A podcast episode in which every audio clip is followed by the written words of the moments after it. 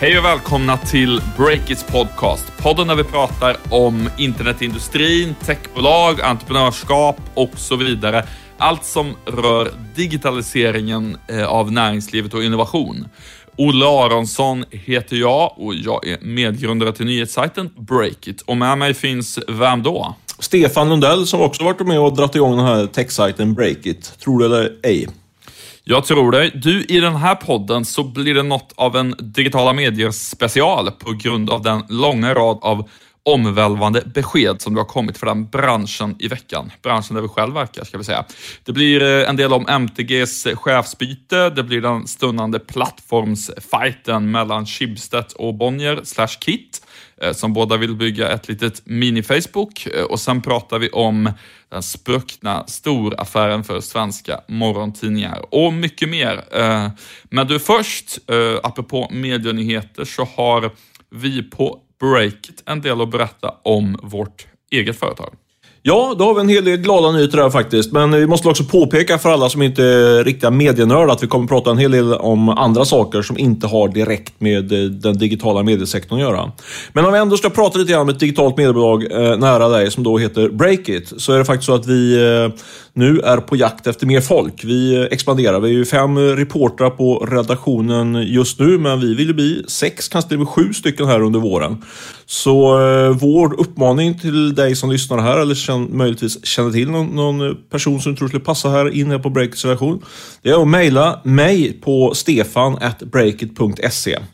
Eh, så ska jag läsa era, era ansökningar med stort intresse. Vi söker också en större lokal. Vi expanderar ju med personer och måste också ha lite eh, mer ytor att sitta på, vilket är kul. Och eh, slutligen så, ja, dubbelnyhet i slutet. Dels gör vi vinst och jag får numera lön, så det känns jättebra. Vi sponsras denna vecka av den digitala redovisningstjänsten Wint. Eh, och du Stefan, du har ju testat på den nu i några veckor. Hur går det?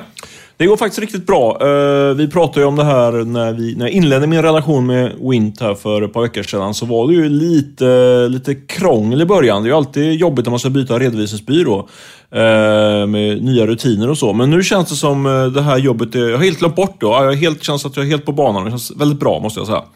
Du, du klagar ju lite då över fakturaadresser som behövde ändras, om jag minns rätt. Så var det, men nu får jag faktiskt inga fakturor längre. I alla fall inte eh, några pappersfakturor. De går eh, direkt till eh, eh, Wint och deras eh, leverantör. Så jag godkänner alla våra fakturor nu bara med ett litet klick. Eh, och sen så är jag färdig med den operationen. Mycket bra. Skönt att höra, för det här med betalning av fakturor har ju inte direkt varit din favoritsysselsättning så här långt som entreprenör. Nej, verkligen inte. Så därför kan jag verkligen tacka Wint. Inte bara som sponsor utan också som vår nya bokföringsbyrå. Tack Wint! Vi har ju nu på torsdagsmorgonen rapporterat om en del förändringar inom mediejätten MTG.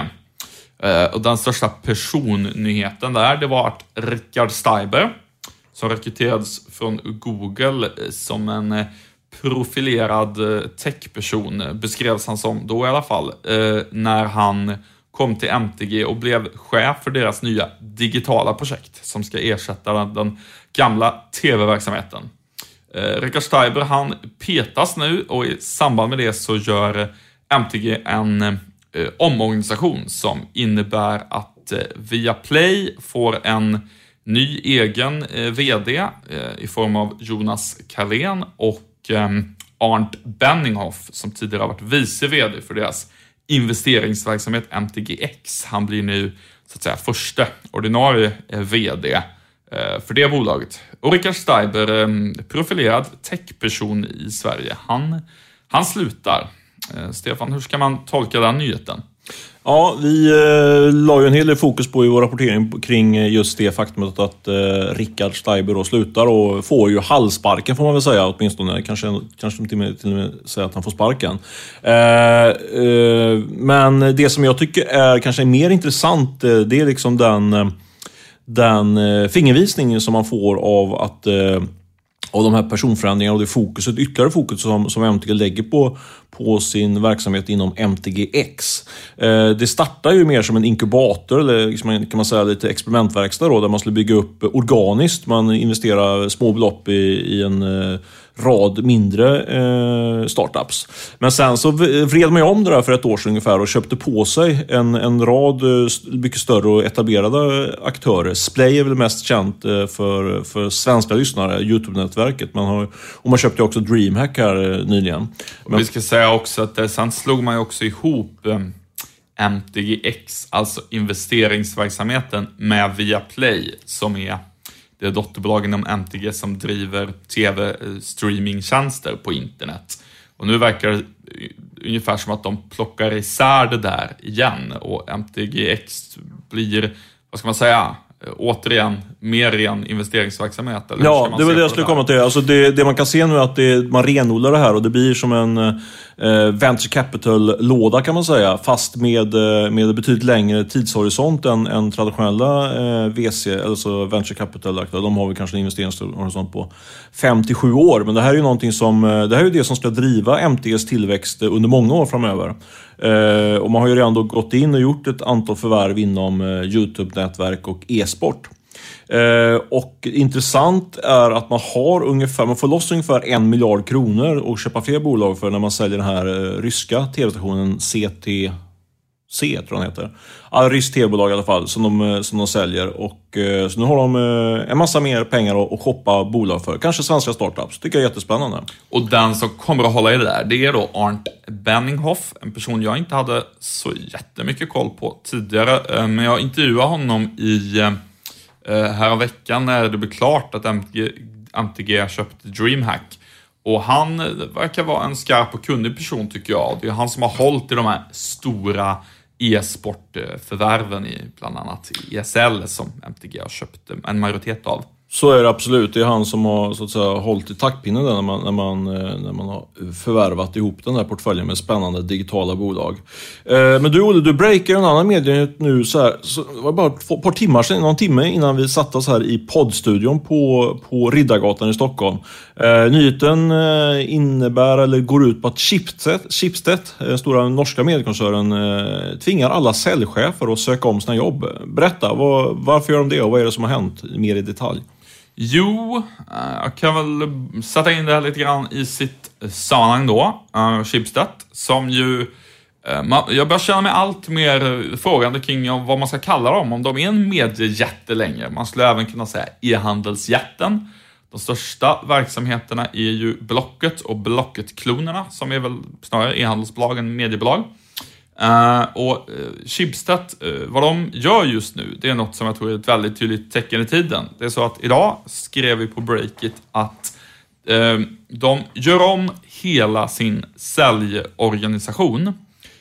och vad det kommer innebära i praktiken, det är att den som tidigare har suttit och sagt hej, jag är Aftonbladet-säljare eller jag är um, TV.nu-säljare eller jag säljer bara eh, Omni, nyhetsappen, eh, annonser till den. Eh, så kommer det inte bli längre, vare sig för vanliga säljare eller för säljcheferna då, som säljcheferna måste ju dessutom söka om sina jobb. Eh, utan nu ska alla sälja allt. Alla säljer allt och vad, vad ligger bakom det strategiska vägvalet då, tror du? Jo, uh, det är ju det som är intressant med det tycker jag. Att Schibsted, de vill ju bygga ett eget ekosystem för insamling av data och annonsering i eh, Sverige och Norge. Eh, och det gör de för att ta upp kampen med Facebook. De bedömer att för att kunna konkurrera mot Facebook i framtiden på annonsmarknaden så måste Schibsted ta, göra om hela grundtänket i sin annonsering. Och vad de ska göra då det är att Ingen ska längre sälja produkt, alltså typ jag säljer tv.nu-annonser, utan alla ska sälja på målgrupp. Man samlar in data och så säger man okej, okay, den här målgruppen vill du som annonsör nå. Hur når du den? Oavsett vilken produkt den annonsen syns på. Då är ju precis så Facebook jobbar, man säljer bara målgrupper. Det, det är liksom det är det som är eh, hela grejen. De har blivit Facebook för Norden, kan man säga så? Nej? Ja, men lite grann. Eh, även om man har inte riktigt har den här sociala aspekten med det, så i annonsmarknadsperspektiv är det absolut så. Uh, och det är ju det perspektivet man ska se på det då. Det, det blir ofta mer uppmärksammat. Alltså, om jag får avbryta bara. Ja. Alltså bara med, med, logiken att man, Facebook säljer en, en målgrupp och det gör Schibsted nu framöver också. Är det så du menar? Exakt. Ja. Mm. Och då, ehm, det är den kontexten man ska se på det här. Det är rätt spännande egentligen. Det, det får ju mest uppmärksamhet när journalist, alltså när sånt där sker på eh, journalistområdet. Men det är klart att det är lika omvälvande för ja, de säljchefer som nu måste söka om sina jobb och alla säljare som nu ja, man kanske har sålt print sen gammalt för en produkt och så vidare och nu måste helt tänka om och ja, sälja allt webb-tv och native-annonser för alla sorters produkter. Och det är ju ja, ännu en effekt av global konkurrens från eh, Facebook eh, och Google. Men Schibsted blir någon form av eh, nordiskt Facebook, i alla fall om man ser det från ett annonseringsperspektiv. De försöker då. bli, ska vi säga. Ja, exakt. De går åt det hållet i alla fall, ganska tydligt. Eh, och vad gör då vår gamla arbetsgivare Bonnier? Ja, lite mer otydligt tycker jag. Um, Bonnier har ju haft planer länge på att bygga något som de kallar för Bonnier Insight, eller de håller på att bygga det. Som är att de samlar all data från Adlibris och Expressen och allt vad det handlar om i en eh, pool, så att säga. Har de gjort det? Är det klart? Det har jag hört länge, ja, länge. Det, precis, det är lite otydligt där. Man kan säga att det, man har hört länge om att de har en plan på det. Sen har man inte hört så mycket mer om vad som har hänt. Så att det är lite oklart för mig. Något för oss att gräva vidare kanske. För det, ja, ja. Verkligen. Eh, men det skulle ju kunna bli deras sånt här digitala data-ekosystem för Sverige. För det ska man väl markera, men herregud, de har ju, vad har de? De är några av Sveriges och Nordens största mediesajter, så det är klart de har ju en stor potential, ska man ju vara tydlig med. Det är väl lätt att man eh, glömmer bort det. I alla fall kanske jag gör det när jag ska klanka ner på Bonnier, inte vet jag. Så är det. Eh, men det som är mer intressant än vad liksom stor vanliga Bonnier gör, det tycker jag är vad Kit håller på med. Eh, för jag tror att det de bygger är mycket tydligare än potentiell framtida konkurrent till det här ekosystemet som som Schibsted jobbar med. Och Kit får väl prestera ändå, de är inte så kända än, eller? Precis. Um... Så säga, en startup som är sprungen ur Bonnier Tidskrifter och som drivs av eh, bland annat Peder Bonnier. Eh, och de har fått loss, hur mycket var det? 20? 30, 50 miljoner. 50 miljoner riskkapital från, från eh, Bonnier Group, alltså riskkapitaldelen i Bonnier.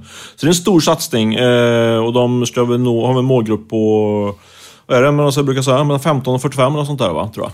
Ja, Precis. Um, och det som är, om man tar lite grann bakgrunden här då, så kan man säga att Schibsteds ekosystem, det har sina rötter i nyhetsappen Omni. Att det är det som ska bli grund till deras nya plattform och ekosystem. Eh, I Bonnier är det, som vi nämnde med Bonnier Insight, lite otydligt vad som ska bli deras sånt ekosystem. Jag tror att Kit skulle kunna bli grunden till det. Bonnier äger ju två tredjedelar av Kit redan.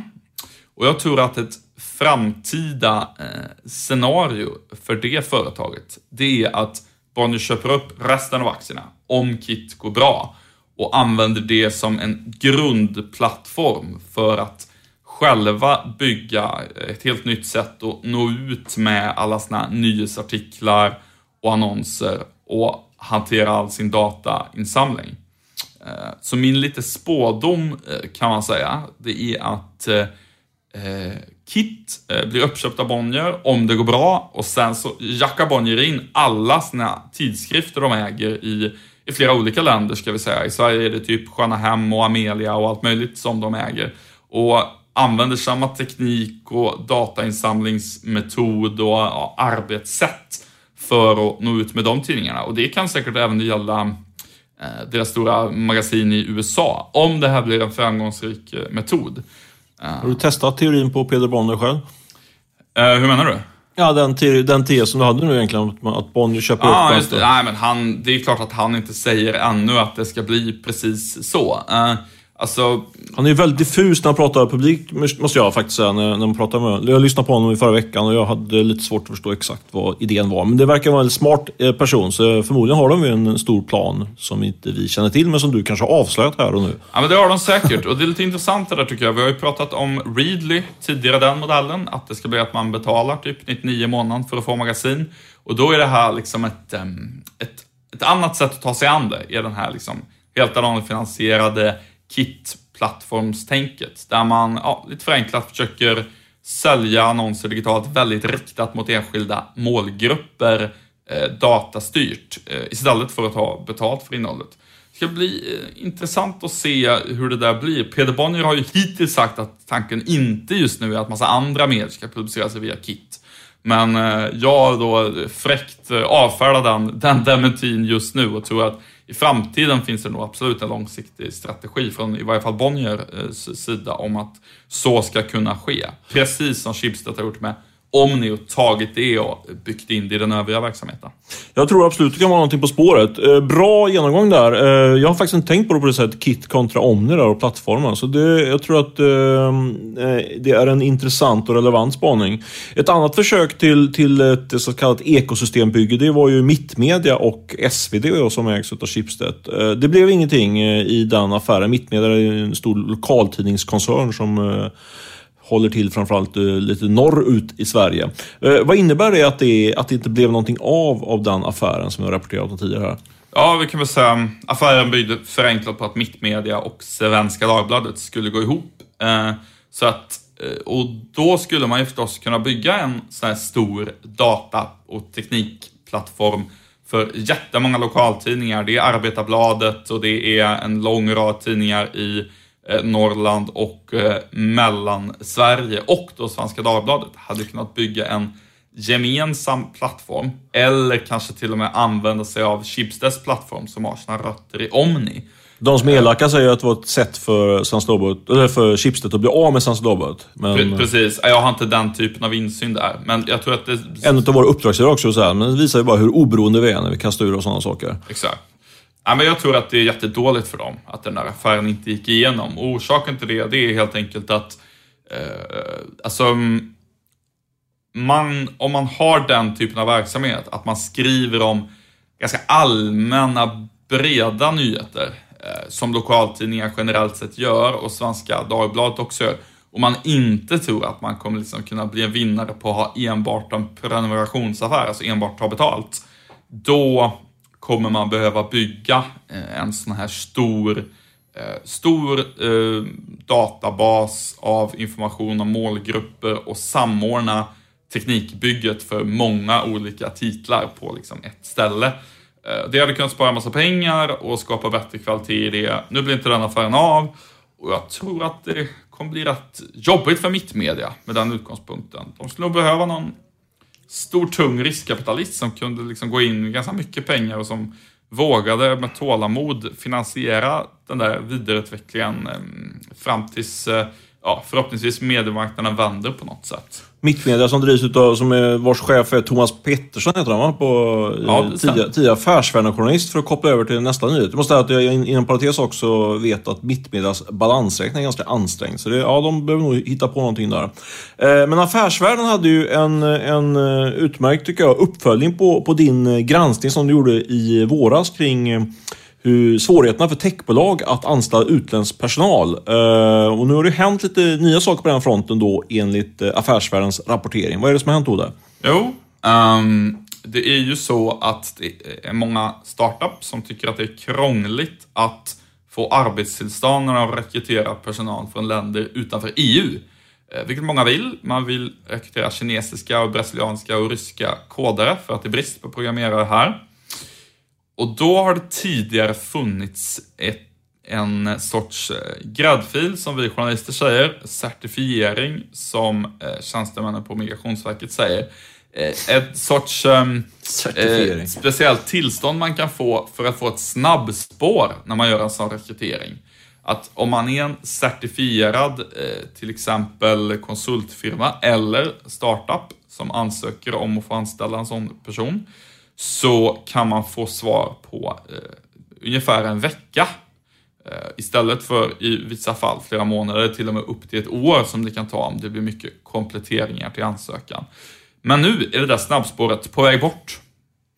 Uppger affärsvärlden, skulle vi säga då? Ja, precis. Eh, och orsaken ska då vara eh, bland annat att Migrationsverket har otroligt mycket att göra. Vilket är förståeligt eh, förstås, eh, ska vi säga. Eh, helt enkelt eftersom det är så otroligt många asylärenden att ansöka i, i, och att hantera i och med att det kommer så mycket flyktingar till Sverige. Våra kollegor på Dagens Industri eh, berättade först, eh, de var först med det i veckan, att Skandia köper en liten aktiepost i betalbolaget Klarna, motsvarande ungefär 1% av bolaget. Eh, vilket eh, idag för övrigt är så mycket som 200 miljoner kronor. Säger någonting om, om att Klarna är värt en väldig massa pengar. Det där är intressant tycker jag. Jag skulle vilja påstå att det är ett tecken i tiden. På vilket sätt då? Jo, ehm, det är ju så att techbolag väntar allt längre till att gå med att gå till börsen. I USA är väl de tydligaste exemplen Uber och Airbnb som börjar bli jätte, jättestora och som, om vi tittar historiskt sett i vilken fas företag har gått till börsen så borde de redan ha gjort det eh, för länge sedan. Men det har de inte. Av lite olika skäl, eh, ska man säga. Det varierar väl från bolag till bolag, men klart är att det där är en stor trend i framförallt USA och också klart är att det leder till mer andrahandshandel eh, med aktier. Alltså, Gråhandel kanske? Ja, precis. Du rapporterade ju föredömligt om det här för någon eller ett par månader sedan om i Spotify där det sker, det finns en, en liten, vad ska man säga, grå börs där man kan ringa till investmentbanken JP Bulland om man vill köpa aktier i, i Spotify. Det, det, finns så många ägare, tidigare anställda och så, som sitter på aktier och vill sälja av dem och det finns andra som vill köpa in sig. Eh, och eh, att Skandia köper in sig i Klarna, det hade ju varit jättenaturligt att de hade gjort det via en börsnotering. Det är så det brukar vara när sådana här stora pensionsförvaltare och sånt kommer in. Men nu köper de in sig redan innan och det tror jag är ett tecken på att de ser det här med att det kanske dröjer jättelänge innan Klarna går till börsen. Då är det lika bra att ta chansen nu.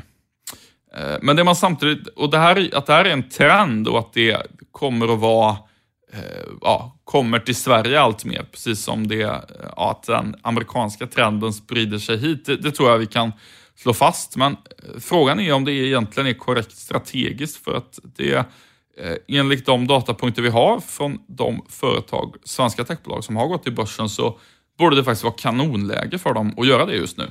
Så är det. Vi rapporterade om det här. Det var ju Bloomberg, den ansedda ekonominyhetsbyrån, som eh, hade gjort en sammanställning som visar att eh, de europeiska techbolagen, efter att de noterats på, på börsen, hade gått som raketer. De har gått två, tre gånger bättre än amerikanska techbolag faktiskt. Eh, vilket eh, bland annat förklaras med att det var väldigt höga värderingar på de amerikanska techbolagen innan de nådde börsen. Eh, men det som var intressant var faktiskt, som jag tycker var mest intressant, det var att det var svenska techbolag som, som hade eldat på den här uppgången. Det var bland annat eh, Q, QXL som, som vi kallar för bulk-sms-bolaget, lite skojsamt här på redaktionen. Uh, Evolution Gaming som är en spel uh, kan man säga. Och 2BI som är ehm, ögonstyrningsbolaget. Och alla de tre har ju gått väldigt, väldigt bra på börsen efter att de noterades. Eh, så en orsak till det är ju, den främsta orsaken till att, att, de, eh, att de svenska techbolagen som går på börsen så att säga, eh, klassar ut de europeiska och de amerikanska, det är väl att det finns en rätt stor brist på, på techbolag här i, i Sverige. Och eh, det är framförallt förvaltarna, de stora institutionella förvaltarna som lite grann skriker efter att eh, få exponera sig mot den här typen av, av bolag. Det har ju knappt funnits några techbolag på Stockholmsbörsen, om vi ska vara ärliga. Eh, och då om man har en, en stor Sverigefond och vill ha exponering i den, eller en IT-fond. Det finns ju faktiskt, åtminstone Danske Bank har kört någon sån som i och för sig inte har gått jättebra. Men Eh, då mm, blir det nästan lite så för många fondförvaltare att man måste köpa det, det som finns, så att säga. Så. så är det. Och sen är det den, den stora underliggande faktorn, eller temat, eller man ska säga, eller cykeln, eller vad, jag hittar inte orden riktigt där, men som, som, vi också själva tror på, det är ju att det är ju här som tillväxten finns i, i näringslivet. Så också i det svenska näringslivet. Så det, det är väl det som driver på också efterfrågan på, på de här bolagen. Uh, och jag tror vi kommer få se, vi, vi väntar på flera stycken uh, techbolag som ska noteras. Uh, om man nu klassificerar in e-handelsbolag i, i den sektorn, och det gör vi väl. Royal Design har ju aviserat att de ska gå mot börsen, det har vi i alla fall vi hävdat. och Leo Vegas, spelbolag, det är ju, två, det är ett exempel på två bolag som, som in, i närtid väntas noteras på Stockholmsbörsen. Eh, samtidigt så är det lite intressant. Börsen har gått upp, gått starkt nu under, under en ganska lång tid. Även om det varit lite upp och ner så att säga, men så har den underliggande trenden varit uppåtgående. Eh, och i slutet av sådana uppgångar brukar det komma en rad uppköp. Det såg vi ju nu här i veckan på bolag som inte ligger direkt i techsektorn, men, men eh, ändå eh, kan vara tecken då på, på detta. Eh, och jag skulle vilja här innan vi avslutar komma med en liten, eh, liten eh, ett litet tomtebloss, eller lite rysar, mm. rysar uh, förslag eller tips eller spaning. Jag tror att uh, kanske det, uh, det, det absolut mest uppmärksammade svenska techbolaget är ju Fingerprint. Som vi pratar en hel del om i, i här i podden. Det har ju gått otroligt starkt börsen. Eh, och är ju nu på ett utav, det är ju ett utav Europas mest handlade bolag. Eh, mitt, eh, min spaning, eller mitt tips är att de kommer köpas ut här inom de närmaste månaderna. Jag tror att eh, antingen är det Samsung eller Qualcomm som, eh, som köper bolaget. Eh, jag kan utveckla det mera, men har vi inte riktigt tid med nu. Men kom ihåg när ni hörde det först. Den här veckan sponsras den här podcasten också utav Miss Hosting. De är ju med oss vecka efter vecka, vilket vi verkligen gillar. Eh, den här veckan ska vi puffa lite extra för deras så kallade VPS-tjänst. VPS står för Virtual Private Server och det är en lösning som gör att du på ett väldigt smidigt sätt kan skala upp din webbplats eh, när den växer. Och det vill ju att den ska växa. Perfekt för startups med bra tillväxt.